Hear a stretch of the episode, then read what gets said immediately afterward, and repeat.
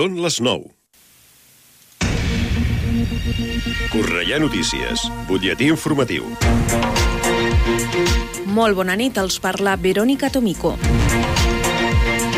L'àrea metropolitana subvencionarà el 80% dos projectes a Cornellà. Concretament, són un nou incubador urbà per al jovent de Sant Ildefons i el projecte A Prop Teu Social, una iniciativa pionera.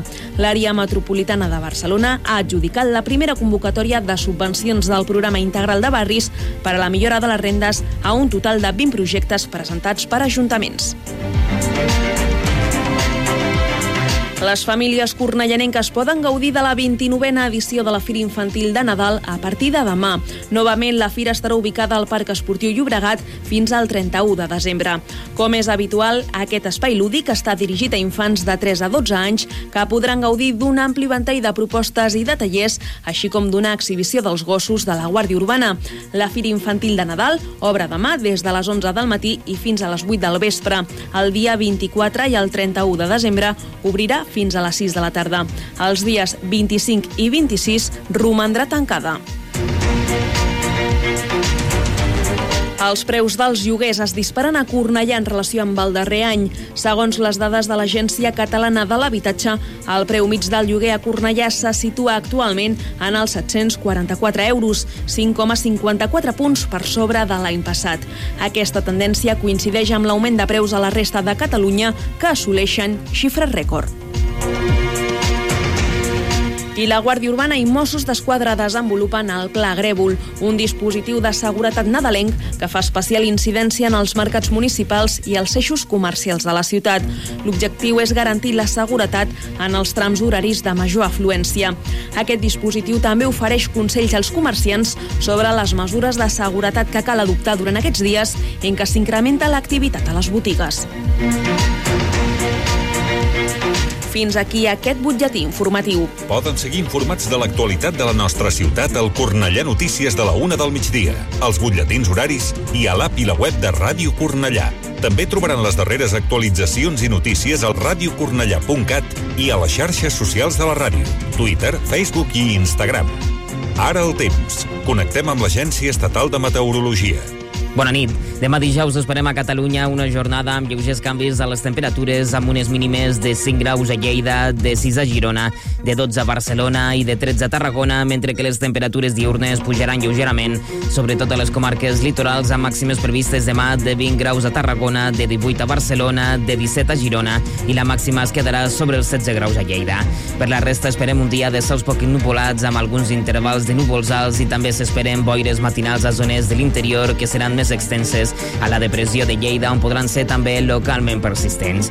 I per últim, si ens referim al vent, serà de l'oest i del nord-oest, de fluix ja moderat a la meitat sud de Catalunya, mentre que a l'Empordà també tindrem vent del nord-oest i més moderat durant el matí, mentre que a la resta el vent serà fluix i de direcció variable. És una informació de l'Agència Estatal de Meteorologia. L'informació de Cornellà. Més a prop, impossible. Ràdio Cornellà, 40 anys al teu costat.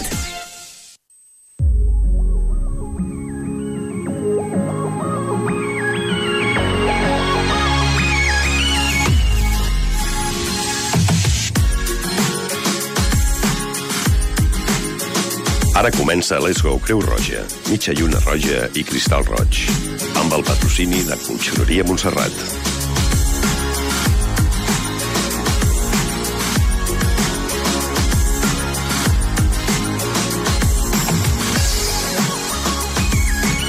Miércoles 21 de diciembre de 2022 y mañana la lotería y mañana Sorpresa, a repartir suertes y mañana a repartir alegrías y a repartir emociones. Bueno, pero hoy estamos en hoy, hoy tenemos un programa por delante, tenemos una hora por delante de la hora de Cruz Roja y hablaremos de la proyección futura del voluntariado, porque también tiene sus cambios.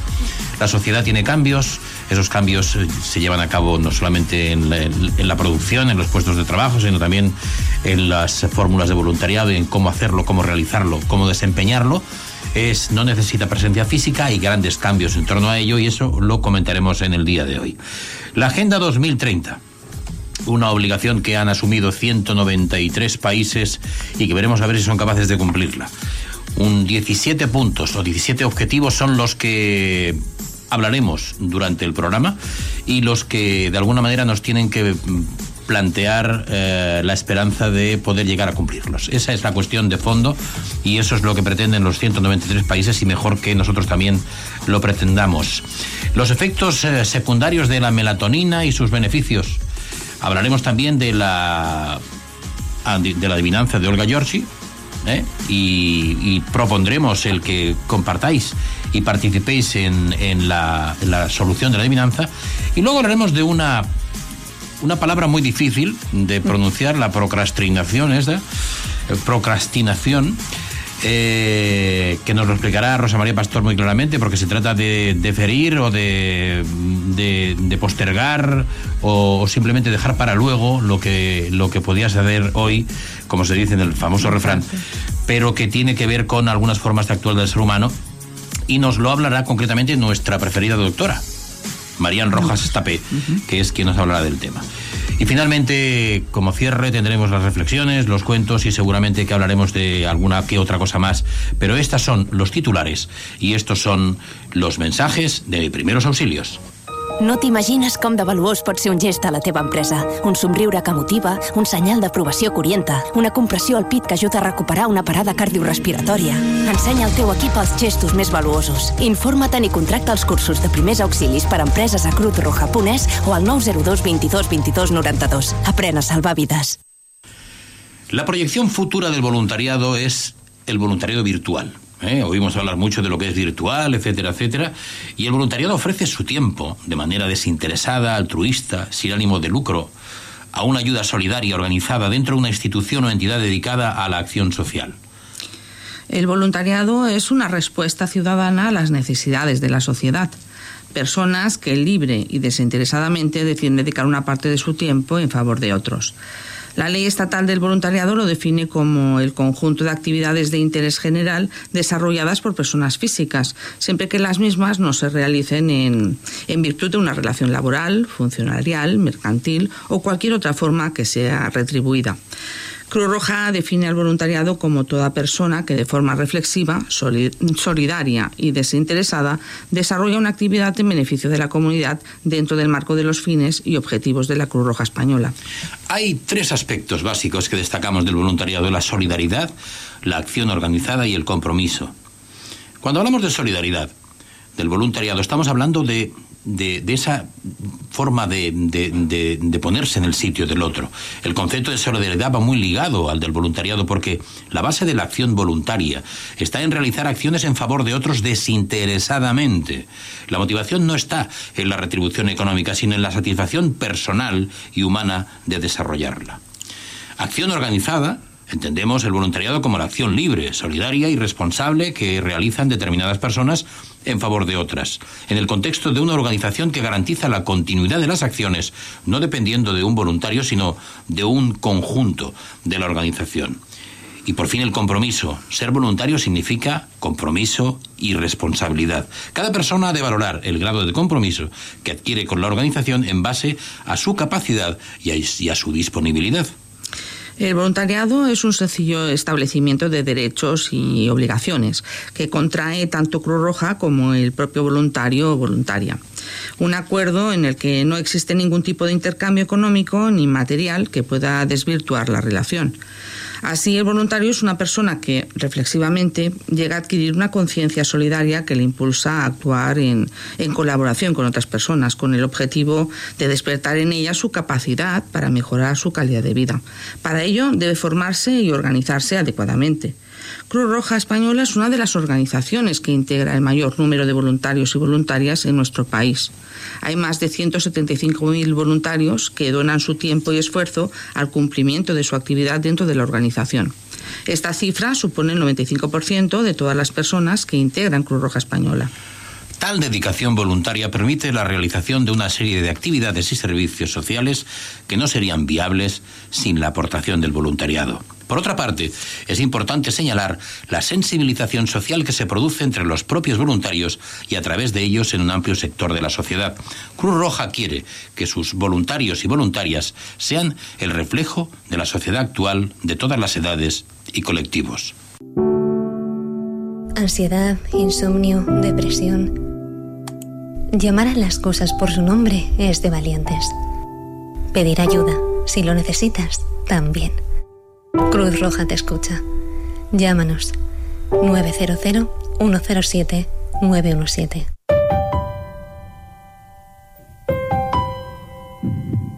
Hemos hablado en la primera parte del voluntariado virtual, hemos hecho una introducción al mismo y son muchas las denominaciones que se utilizan para designar las personas que realizan su acción voluntaria a través de Internet. Así se les ha llamado voluntariado en línea, online, cibervoluntarios, voluntarios y voluntarias virtuales, según la situación o el contexto en el que nos encontremos aunque cabe destacar algunas de las connotaciones y diferencias que ofrece cada perfil según su denominación.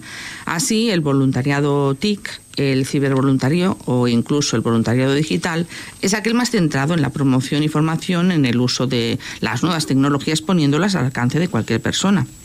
Términos como voluntariado virtual o voluntariado en línea, online volunteer, se definen como aquellos voluntarios que colaboran con una organización desde su casa o su trabajo, pero no desde la sede de dicha organización. Su principal herramienta de trabajo suele ser mm, cualquier aparato conectado a Internet, como ordenador, teléfono móvil, tablet, y su principal valor añadido es el conocimiento, es decir, sus capacidades, habilidades o sabidurías. Pero no nos olvidemos, los voluntarios y voluntarias son reales, existen y desarrollan una actividad igual de valiosa y de calidad que el voluntariado presencial, aunque generalmente no les veamos y contactemos con ellos electrónicamente.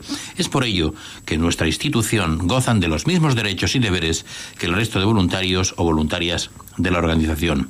Un voluntariado virtual es igual al voluntariado presencial en todos los aspectos, menos en uno. Su acción no está sujeta a un espacio, aunque sí a una estrategia programada. Es un buen complemento al voluntariado presencial, pero al que nunca podrá sustituir. La acción voluntaria realizada de forma virtual ofrece la posibilidad de participación a un gran número de personas con gran voluntad solidaria, pero con dificultades de asistir a las sedes o centros de Cruz Roja en las que se realiza actividad, dotando a la organización de un gran número de colaboradores altamente capacitados. En ocasiones, organizaciones y gestores de voluntariado pueden mostrarse reticentes en la incorporación del voluntariado a quienes no vemos. Si cada vez es mayor el número de empresas que fomentan el teletrabajo como medida de conciliación familiar y laboral entre sus trabajadores y trabajadoras y nadie duda del resultado del trabajo producido, ¿por qué vamos a dudar del compromiso asumido por un voluntario y a sus capacidades incluso colaborando en horarios y en lugares en los que no estamos presentes? Somos una institución pionera en la innovación de nuevos métodos para atender cada vez más y mejor a las personas que más nos necesitan. Este proyecto de voluntariado virtual empuja y agiliza la adaptación a nuevas formas de trabajo y nos hace llegar a más. Al adaptarnos a nuevas formas de colaboración voluntaria, estamos ampliando nuestro radio de acción y, por tanto, cumpliendo con nuestra máxima de estar cada vez más cerca de las personas. Entre muchos otros objetivos específicos relativos a la captación y sensibilización de Cruz Roja Española está el facilitar la incorporación de nuevos colectivos, nuevos entornos como miembros activos de la organización, es decir, personas inmigrantes, voluntariado online, voluntariado corporativo, personas con discapacidad.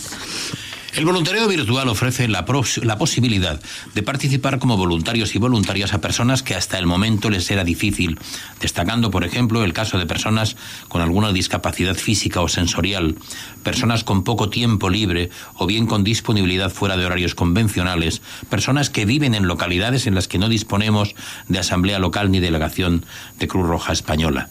Haciendo una, una vista rápida a la actividad de nuestra organización en todas sus áreas, de intervención y proyectos existe un gran número de estas que no requieren de presencia física en el lugar de intervención, posibilitando así la participación de personas sin necesidad de estar presentes el actual desarrollo y dotación de equipamiento informático y conexión a Internet de la práctica total, de totalidad de las, de las asambleas locales de nuestra organización, junto con los conocimientos y habilidades para hacer uso de ellos por parte de los referentes de voluntariado y actividad de la organización, ofrecen grandes posibilidades de desarrollo de este relativamente nuevo voluntariado Es este hecho el que nos proporciona las herramientas de comunicación, seguimiento y gestión de la acción voluntaria de forma ágil y fiable sin necesidad de estar presentes.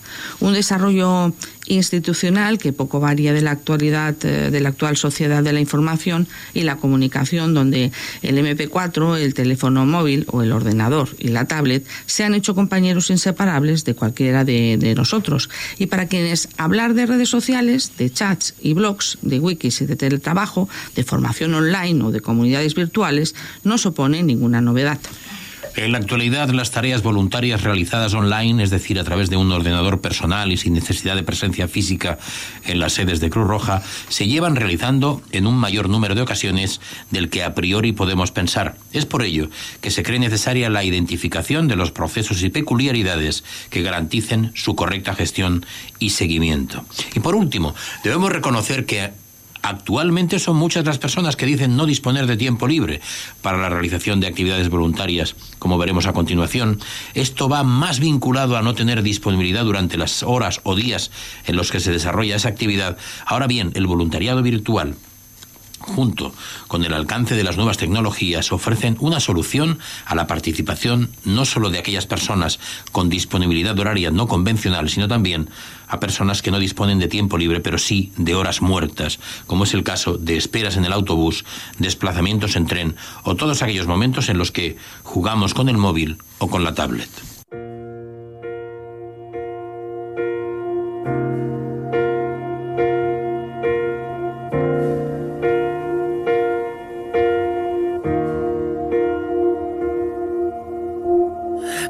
Bonica la vida, que d'un cop tot t'ho dona per després emportar-s'ho fent-te sentir culpable. De vegades t'escolta i d'altres t'oblida. Que bonica la vida. Que bonica la vida quan va del seu ball, que maleïda que es torna quan canvia de plans. Ara juga amb tu, de vegades t'ajuda, que bonica la vida. Tan bonica que a vegades es despista i em deixo portar. Tan bonica és la vida que em dones tu, és la que em fa caminar. Vida que omples aquest covard que lluita i somia, que avançarà. Vida m'ho dones tot, quan em sento enfonsat. Vida repleta de gent que neix i que viu, que ve i que va. Que bonica la vida, és immens el que ens dona, que t'empeny quan t'enfonses i et fa sentir tan gran. De vegades un nen, sovint l'enemiga, que bonica la vida. Que bonica la vida, quin regal d'esperança que després ve i s'ho emporta, t'omple de tristesa, de vegades t'enfonsa i d'altres t'estima. Que bonica la vida, tan bonica que a vegades es despista. I em deixo portar. Tan bonica és la vida que em tu, és la que em fa caminar. Vida que omples aquest covard que lluita i somia, que avançarà. Vida m'ho dones tot, quan em sento enfonsat.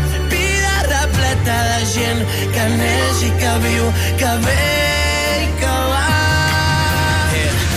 t'enfonsis quan la por no et deixi veure. Aprofita cada pas com si fos l'última drecera. Trepitja fort, però no miris mai enrere. Tot depèn de com el vent trenqui totes les promeses.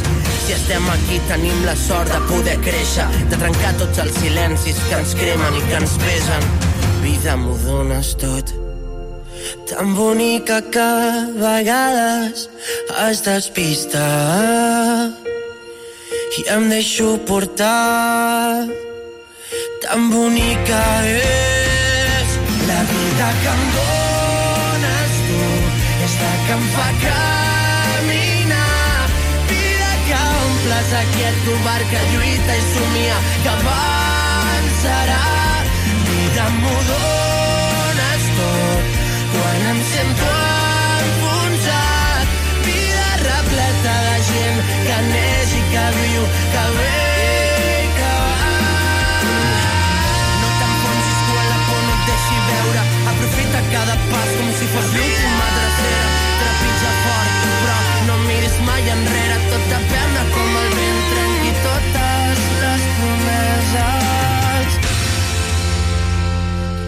Bonica la vida quan dona esperança, compleix il·lusions quan t'empeny i t'abraça, t'omple el cor de coratge mentre t'acaricia, que bonica la vida.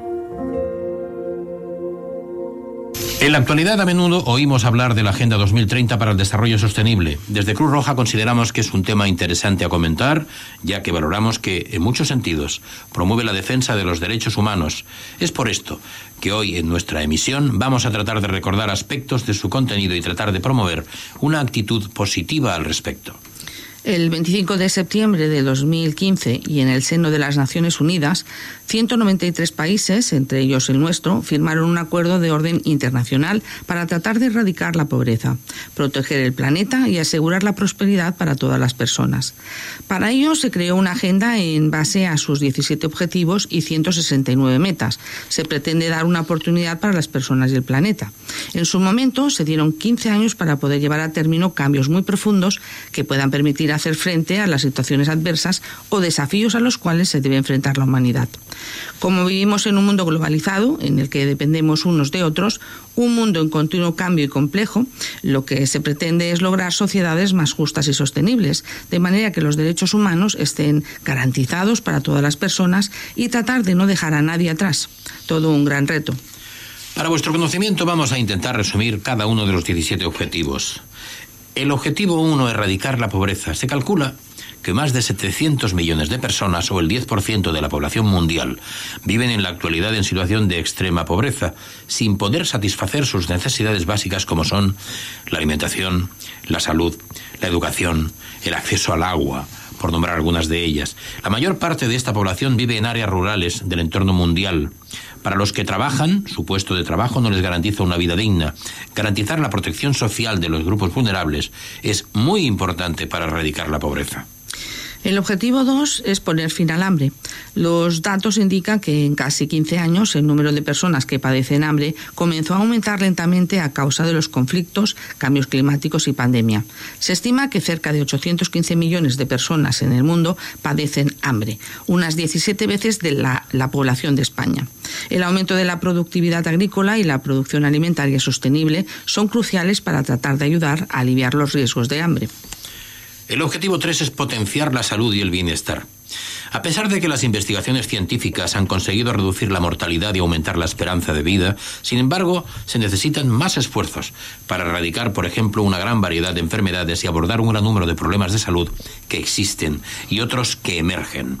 Mediante la financiación o la investigación, a los sistemas sanitarios, a un mayor saneamiento e higiene y a la posibilidad de un mayor acceso al personal médico, se podrán conseguir avances significativos a la hora de ayudar a salvar vidas de millones de personas. El objetivo 4 es promover una educación de calidad que garantice una educación inclusiva, equitativa y de calidad que promueva oportunidades para todos y durante toda la vida. La educación y la alfabetización proporcionan a las personas las herramientas necesarias para salir de la pobreza y tener un futuro mejor. En la actualidad hay más de 265 millones de niños y niñas sin escolarizar lograr la igualdad de género y empoderar a todas las mujeres y niñas. La igualdad de género es un derecho humano y para lograr esta igualdad es fundamental que mujeres y niñas tengan la posibilidad de acceder a la educación, a un trabajo digno, a otros derechos fundamentales y puedan participar en las decisiones políticas y económicas. El objetivo 6 es garantizar la disponibilidad de agua y su gestión sostenible y el saneamiento para todos. Para lograr que todos tengan acceso al agua potable y al saneamiento es fundamental que se gestione de forma sostenible los recursos hídricos en el mundo. Garantizar el acceso a una energía asequible, segura, sostenible y moderna. El acceso a la electricidad de los países más pobres ha comenzado a acelerarse. La eficiencia energética continúa mejorando y las energías renovables están logrando resultados excelentes en el sector eléctrico. Es importante impulsar y financiar la utilización de energías renovables para ir reduciendo la utilización de combustibles contaminantes promover el crecimiento económico sostenido, inclusivo y sostenible, el empleo pleno y productivo y el trabajo decente para todos. En algunos países, el tener un empleo no ayuda a salir de la pobreza, incluso se está utilizando la explotación infantil. Con este objetivo se trata de ir consiguiendo que todas las personas puedan acceder a un empleo de calidad y con un sueldo digno, de tal manera que se reduzca el desempleo, aumente la productividad y como consecuencia el consumo. El objetivo 9 va destinado a la industria, innovación e infraestructuras. Es de gran importancia que se realicen inversiones en infraestructuras, carreteras, ferrocarril, servicios telemáticos, etc., para potenciar y facilitar las inversiones en los diferentes territorios. Asimismo, es de gran importancia la innovación para que se cree una industria más productiva y menos contaminante. El objetivo 10, reducir la desigualdad en y entre los países. La desigualdad existente dentro de los propios países y entre unos países y otros es un hecho evidente. Pese a esfuerzos realizados, en la actualidad la desigualdad continúa. Para tratar de reducir las desigualdades es fundamental invertir en cooperación y desarrollo, creación de sistemas fiscales justos e incluso reducir los aranceles, es decir, los impuestos aduaneros. En el caso de la exportación, importación de mercancías con determinados países. Lograr que las ciudades y los asentamientos humanos sean inclusivos, seguros, resilientes y sostenibles es otro objetivo, el objetivo número 11. Las ciudades han crecido y siguen creciendo por norma general y el mundo cada vez está más urbanizado. Las ciudades deben ser lugares seguros y sus instituciones deben invertir y tomar las medidas suficientes para que no se creen guetos marginales ni de pobreza. El objetivo 12 es garantizar modalidades de consumo y producción sostenibles. El consumo no sostenible produce contaminación. Educar a las personas en elegir modos de vida sostenibles que contribuyan a cuidar la naturaleza y frenar el cambio climático es esencial. Adoptar medidas urgentes para combatir el cambio climático y sus efectos, aunque algunos sectores lo nieguen. Las evidencias científicas determinan que el cambio climático es una realidad que está produciendo efectos negativos. Para frenar el cambio climático, 194 países, entre los que se encuentran los que forman parte de la Unión Europea, han firmado el Pacto de París, un acuerdo internacional legalmente vinculante que entró en vigor el 4 de noviembre de 2016. El objetivo 14, conservar y utilizar de forma sostenible, los océanos, los mares y los recursos marinos para el desarrollo sostenible. Los mares y los océanos no son solo fuente de vida, también son muy importantes para el transporte. Es fundamental acordar regulaciones que sean efectivas y que controlen la sobreexplotación de los recursos y la contaminación. Gestionar sosteniblemente los bosques, luchar contra la desertización, detener e invertir la degradación de las tierras y detener la pérdida de la biodiversidad. Los bosques son esenciales para detener el cambio climático. En la actualidad se están destruyendo unos 13 millones de hectáreas al año. Se deberá regular un plan sólido destinado a la protección de la naturaleza de tal manera que se pueda proteger a la humanidad. Promover sociedades justas, pacíficas e inclusivas. Como se puede observar, la violencia se sigue manifestando en todos sus ámbitos y sigue siendo un problema en todo el mundo. Pues eh, siguen habiendo guerras, persecuciones, en fin, habrá que llegar a todos a acuerdos legislativos para que las normas sean más efectivas y protejan los derechos de las personas. Y por último, objetivo 17, revitalizar la Alianza Mundial para el Desarrollo Sostenible. Y este último objetivo es trascendental para el logro de los demás objetivos que hemos citado. Para poder lograr todo lo que se propone en la Agenda 2030, son necesarias alianzas globales y muy sólidas. Estas alianzas deben abarcar diferentes niveles mundial, nacional, regional, local y personal. La movilización de todos los sectores, la cooperación y la actualización coordinada de gobiernos, empresas y sociedad civil es fundamental para alcanzar los objetivos de desarrollo sostenible propuestos. El éxito de la Agenda 2030 para el Desarrollo Sostenible, que fue aprobada por la Asamblea General de las Naciones Unidas en septiembre del 2015, como en un inicio hemos comentado, exige nuevas maneras de relación entre las personas y con el planeta. La participación y la colaboración de cada uno de nosotros es fundamental para poder conseguir un mundo mejor. Una educación de calidad e inclusiva para todos es el motor más importante para garantizar el desarrollo sostenible.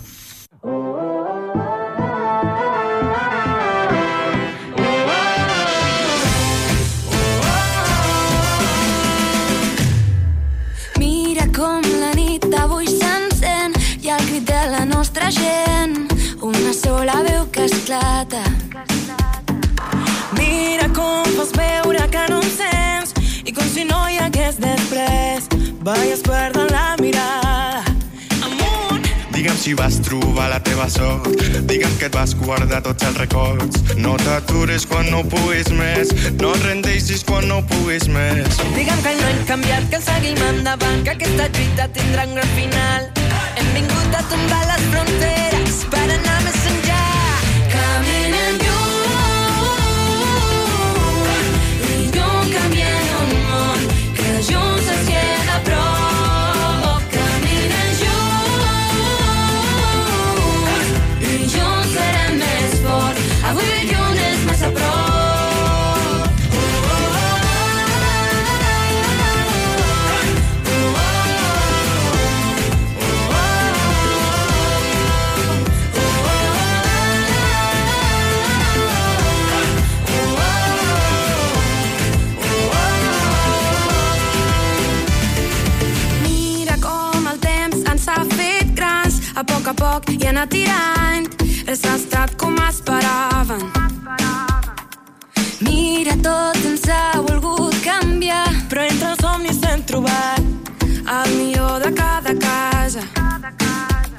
Digue'm si vas trobar la teva sort. Digue'm que et vas guardar tots els records. No t'aturis quan no puguis més.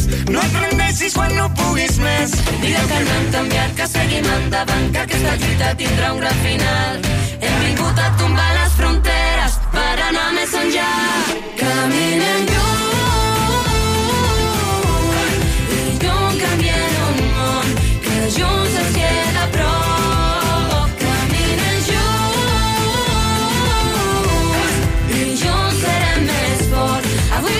és massa a.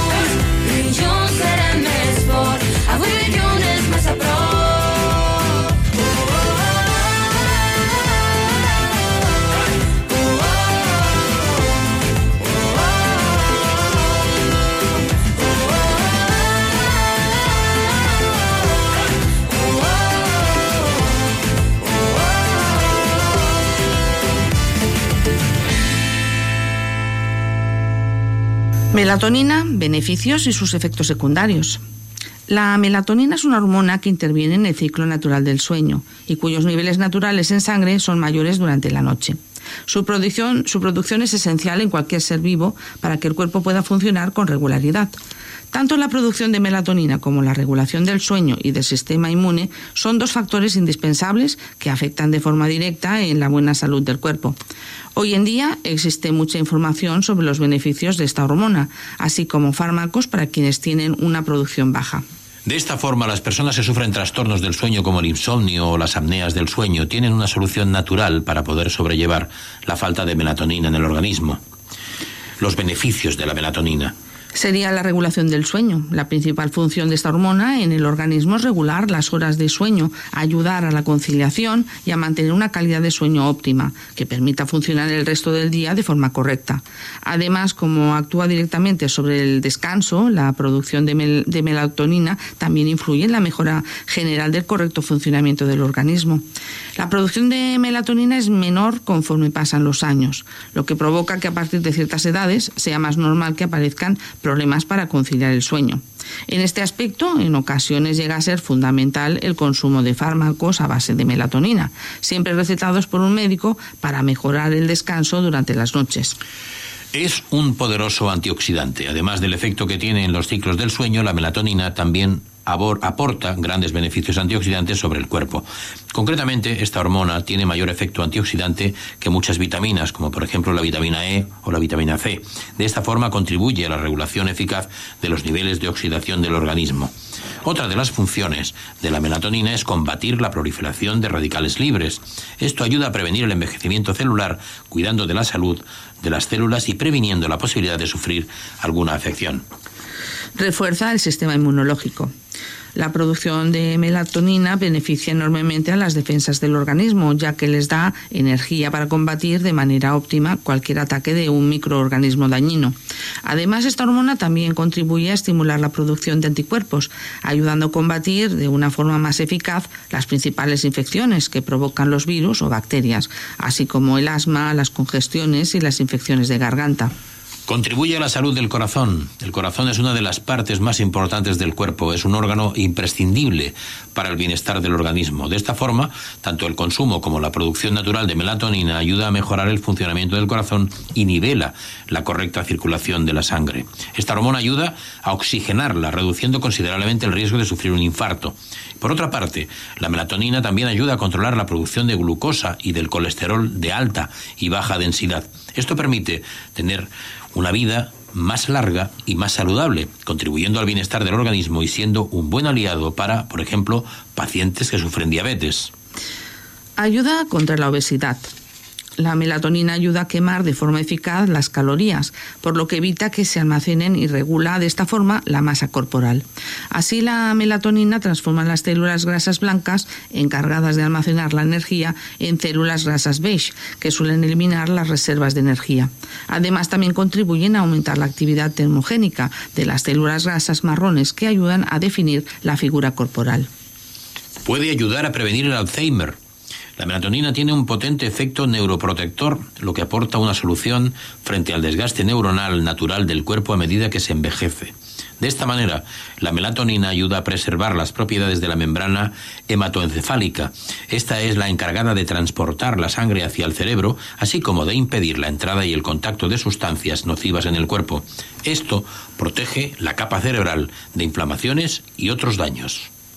Los efectos secundarios de los suplementos de melatonina, eh, hay que reconocer que aunque la melatonina es necesaria y en ocasiones los médicos receten suplementos de la misma, hay que tener en cuenta las contraindicaciones. En general es seguro tomar esta hormona a corto plazo, a diferencia de lo que ocurre con otros fármacos para dormir. La melatonina es poco probable que genere dependencia, que la respuesta a la misma sea menor después de su uso repetido o que el paciente experimente un efecto de resaca. No obstante, sí que pueden aparecer algunos efectos secundarios de forma frecuente, como dolor de cabeza, mareos, náuseas y somnolencia. Aparte de estos pueden aparecer también otros menos frecuentes como son sentimientos depresivos de corta duración, temblores leves, ansiedad leve, cólicos, irritabilidad, reducción del estado de alerta, confusión o desorientación, presión arterial anormalmente baja, hipotensión. Puede provocar también somnolencia durante el día, por lo que no hay que manejar ni usar maquinaria durante las cinco horas posteriores a consumir el suplemento. Además, hay que tener en cuenta que los suplementos de melatonina pueden interactuar con varios medicamentos, con los anticoagulantes y medicamentos antiagregantes plaquetarios, anticonvulsivos, anticonceptivos, medicamentos para la diabetes, medicamentos que inhiben el sistema inmunitario, es decir, inmunosupresores.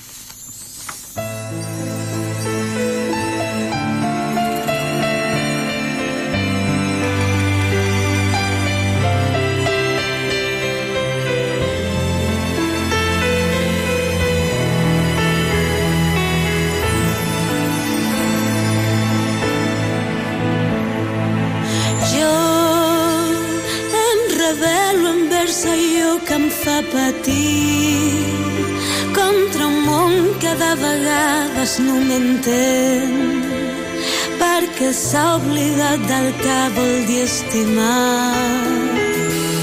Jo em rebel·lo quan només cerco l'amor i m'ho neguen sense donar-me raons amb paraules buides i incomprensió.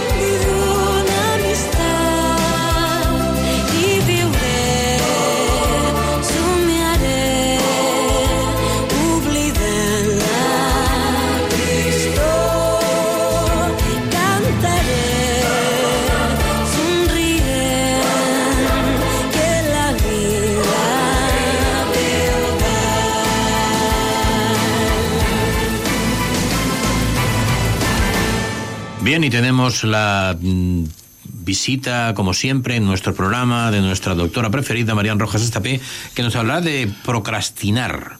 Una difícil palabra, que no deja de ser algo así como postergar, y que es, eh, qué es el, el postergar o procrastinar y cómo afecta a nuestra salud mental. La procrastinación es la acción o hábito de retrasar actividades o situaciones que deben atenderse, teniendo el tiempo y la ocasión, y sustituyéndolas por otras situaciones más agradables. Se podría decir que postergar es dejar para mañana lo que puedes hacer hoy. Cada vez que caes en este mal hábito, aumentas tus tiempos de ejecución y te alejas de tus objetivos. La procrastinación no es un defecto del carácter, no es pereza ni holgazanería, ni una maldición misteriosa que ha caído en tu habilidad para administrar el tiempo, sino una manera de enfrentar las emociones desafiantes y estados de ánimo negativos generados por ciertas tareas, como el aburrimiento, la ansiedad, la inseguridad, frustración, resentimiento y algunos más. De ahí que demos unos consejos para reducir la procrastinación, que son, por ejemplo, la organización del tiempo, clarificar las tareas pendientes y priorizarlas para así poder organizar el tiempo que se va a dedicar a cada uno, disminuir distracciones, evitar la perfección, respetar el descanso, recompensas, conviértelo en un hábito, etcétera, etcétera. Pero mejor nos lo explica nuestra doctora preferida, Marian Rojas Estapé. Pues sí, un tema muy interesante que mientras me lo estaba preparando ayer, digo, es que necesito que los oyentes entiendan que no es un tema de vaguería, ¿no? La procrastinación es el hecho de retrasar actividades o situaciones que tienes que atender en ese momento y las sustituyes por algo que es mucho menos importante o que es mucho menos, menos eh, relevante o que es para ti mucho más agradable.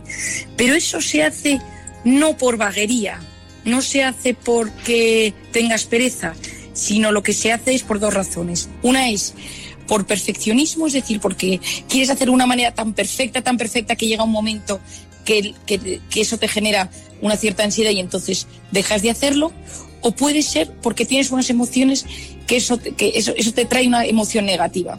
Una falta de seguridad en ti mismo, un tema de ansiedad. Vamos a dar un ejemplo que siempre es mucho más, es Sí, mucho más que sencillo. Siempre más gráfico, sí. Sí, o sea, te tienes que apuntar al gimnasio y entonces en vez de apuntarte al gimnasio ese día eh, te pones a repasar las tuberías de tu casa. Que no es que les pase nada, pero dices, bueno, una vez al año había que repasar las tuberías, ¿no? O tienes que entregar un, informe de tu trabajo eh, que te dice tu jefe o algo relacionado con pues un trabajo en el colegio, la tesis doctoral, llamar a alguien que para gestionar un tema, pues eh, a una persona de, tu trabajo, imagínate que tienes que llamar a un empleado porque ha hecho algo que no está bien, pero sabes que no te apetece esa llamada porque no sabes gestionar el conflicto y entonces haces todo menos llamar a esa persona. Es decir, es, el, el procrastinar viene del latín, que significa postergar voluntariamente, pero tiene un origen todavía más antiguo, que es eh, acrasia, que es hacer algo en contra de nuestro mejor juicio. Y de hecho hay una frase que dice, que, que- Ovidio, y mi padre la repite muchísimo de los pacientes que procrastinan, que dice, veo algo bueno y lo apruebo, pero sigo lo peor. Es decir, yo me doy cuenta que lo correcto sería seguir por ese camino, pero no soy capaz de enfrentarme a ello y entonces hago lo que está mal. Claro, entonces esta, es- esta consideración que haces es muy importante porque no es lo mismo que uno mire con indulgencia sus actos, decir, bueno, pues mira, eh, no me he dedicado a arreglar la cadena de la bicicleta esta tarde, pero es que estaba cansada y, y me ponía a ver una película normal. Que que tú hagas un juicio sobre tu vida diciendo, no, no, sistemáticamente postergo cosas de tal modo que me estoy perjudicando a mí mismo. Totalmente. De hecho, el tema de esto es que te vas haciendo daño. O sea, el problema de la procrastinación es que tú a ti mismo te vas perjudicando y esto va mermando tu autoestima, la seguridad en ti mismo, la ansiedad, cómo gestionas tus emociones, porque a tu cabeza le vas mandando mensajes que son mentira, que son, pues ahora esto no es, no es tan importante, no necesito hacer esto, será mejor hacerlo mañana, ¿no? Y hay como tres fases en, en- este, en este proceso, que la primera es que yo percibo una incomodidad por hacer esa actividad, ¿no? Pues ahora mismo no quiero llamar a esta persona, no quiero apuntarme al gimnasio, no quiero eh, enfrentarme a algún tema que tengo que hacer por incomodidad. La segunda es empezar a hacer algo completamente secundario. Desde hace unos años esta ocupación muchas veces es eh, cojo el teléfono y me pongo a responder un mail, miro una aplicación, me meto en Instagram, veo las noticias, porque claro, tengo que saber cómo son las noticias y ahí llevo a mi tercer punto que es que me justifico. Y justifico que era importante, que era contestar a este WhatsApp, que lo otro era terciario, pero yo me voy engañando a mí mismo, es decir, yo voy haciéndome daño porque me, porque me engaño y voy metiéndome en una rueda negativa. porque me, me paso todo el día aplazando asuntos pendientes. Yo a la gente le digo, eh, y luego hay temas mucho más graves, por ejemplo, yo pienso en algún caso que tengo en la consulta de alguien que sabe que tiene que tener una conversación con un hijo o con, su marido, con su mujer, de algún tema delicado, pues la, la relación se ha enfriado. Creo que mi hijo últimamente se ha metido en las drogas, creo, y esas conversaciones tan incómodas, donde te tienes que enfrentar a tus peores temores y las vas eh, sustituyendo por pues voy a hacer la compra, que no es que no, es que no sea importante, pero tú sabes perfectamente que lo otro es un tema eh, importantísimo, pero que emocionalmente no te apetece. Entonces tu cerebro va buscando excusas para no tomar decisiones. Y esa falta de tomar decisiones, al final eso se hace bola. Eh, tiene un coste muy elevado y luego pues retrasos inevitables, eh, pues, pues incluso falta de productividad en el trabajo, eh, las relaciones se enquistan.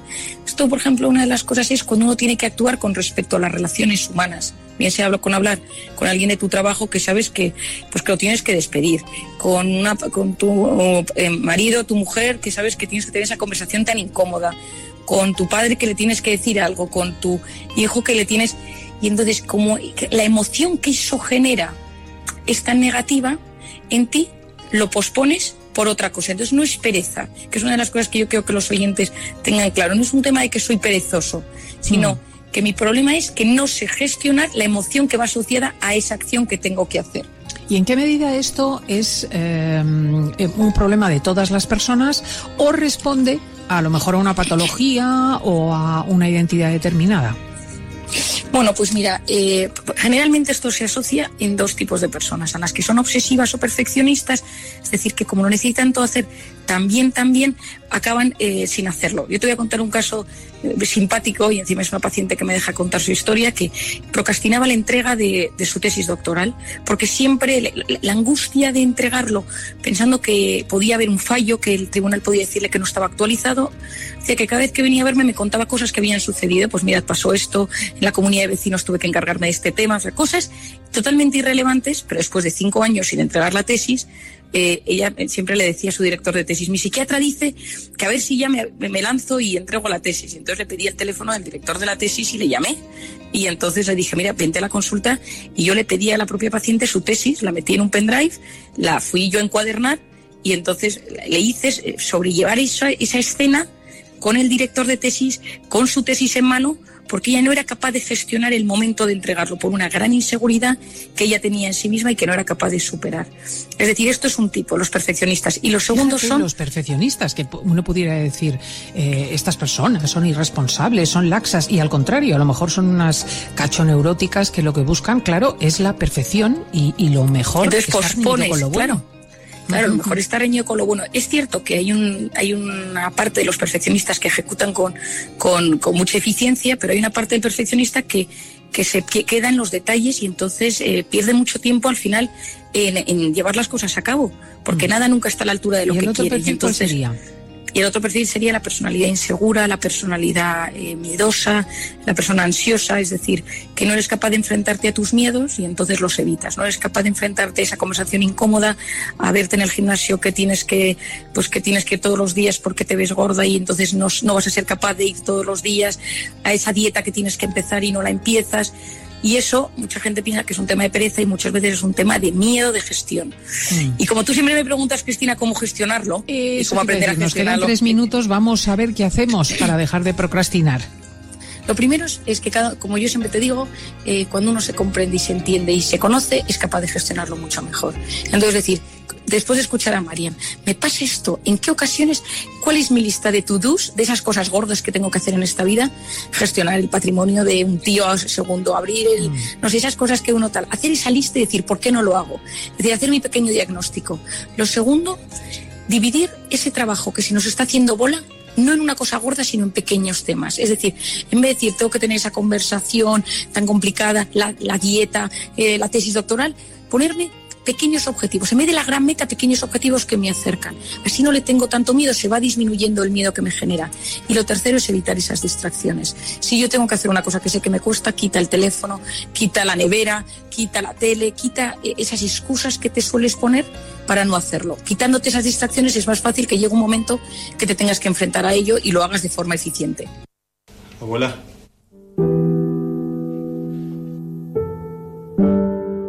Las personas de nuestro entorno no siempre admiten que no están pasando por un buen momento emocional. Detectar que necesitan ayuda y animarles a pedirla es de valientes.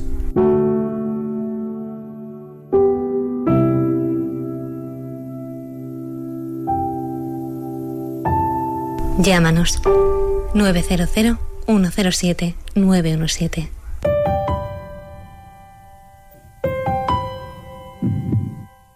La tienes por todos lados como barrera y pared, mide dos metros cuadrados y es larga y ancha a la vez.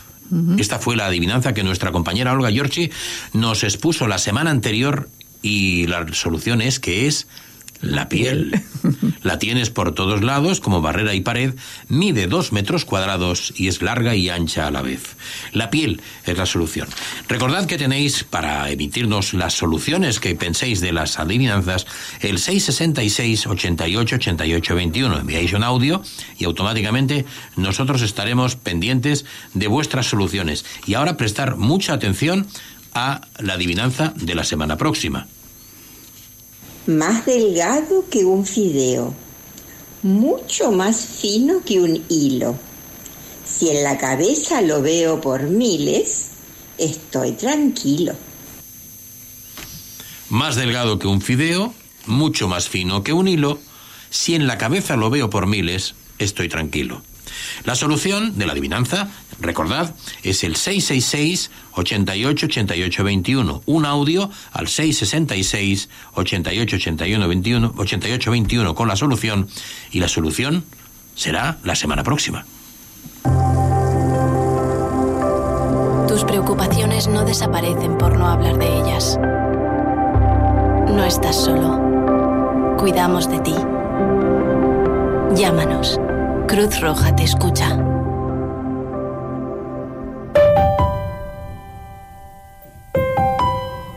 Le preguntaron a Rumi, maestro espiritual persa del siglo XIII, Maestro, ¿qué es el veneno? Cualquier cosa más allá de lo que necesitamos es veneno. Puede ser el poder, la pereza, la comida, el ego, la ambición, el miedo, la ira o lo que sea. ¿Y el miedo qué es? La no aceptación de la incertidumbre. Si aceptamos la incertidumbre, se convierte en aventura.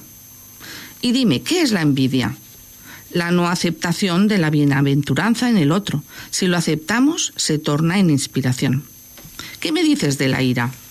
Es la no aceptación de lo que está más allá de nuestro control. Si aceptamos, se convierte en tolerancia. ¿Y el odio? Es la no aceptación de las personas tal y como son. Si las aceptamos incondicionalmente, a continuación se convierte en amor. Maestro, explícame, ¿qué es la madurez espiritual?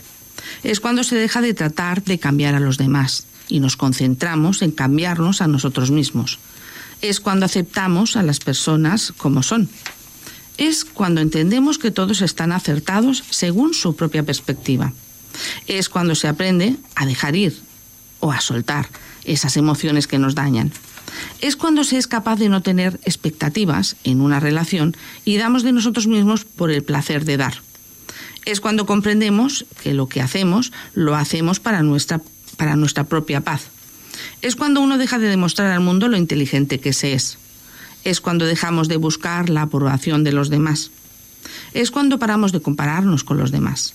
Es cuando se está en paz consigo mismo. La madurez espiritual es cuando somos capaces de distinguir entre necesidad y querer y somos capaces de dejar ir ese querer. Por último, y lo más importante, se gana la madurez espiritual cuando dejamos de anexar la felicidad a las cosas materiales.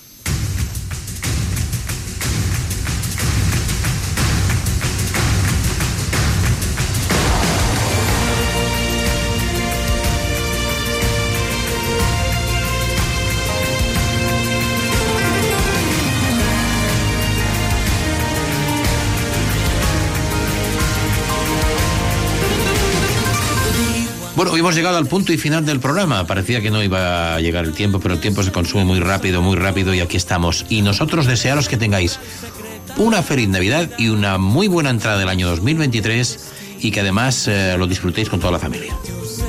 Bon Nadal. Bon Bon Nadal. Nadal a tothom.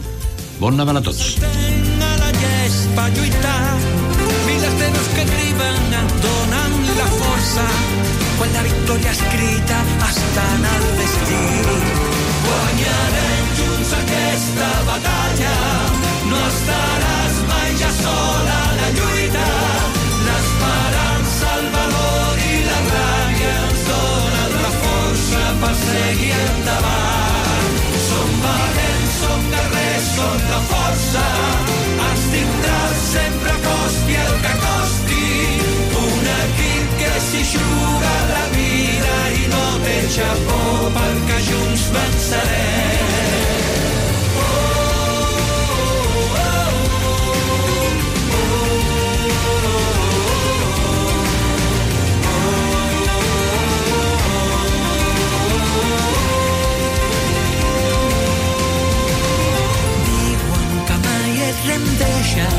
Que la teva fermesa et fa anar endavant. I quan una muralla et fa caure en la pena, la llum torna a brillar dins de tanta foscor. Jo sento la teva energia, quan tu i jo saltem a la llespa a lluitar. Milers de veus que criben et donen la força, quan la victòria escrita està en el destí. Guanyarem junts aquesta batalla, no estaràs mai ja sola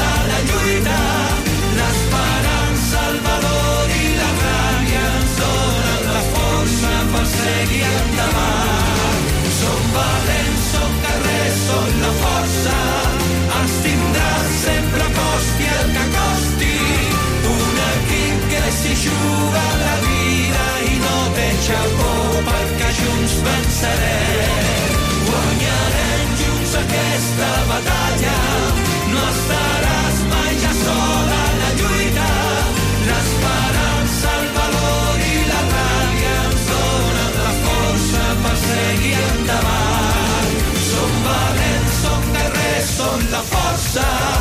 Ens tindràs sempre costi el que costi. Un equip que s'hi juga la vida i no té xapó perquè junts vencerem.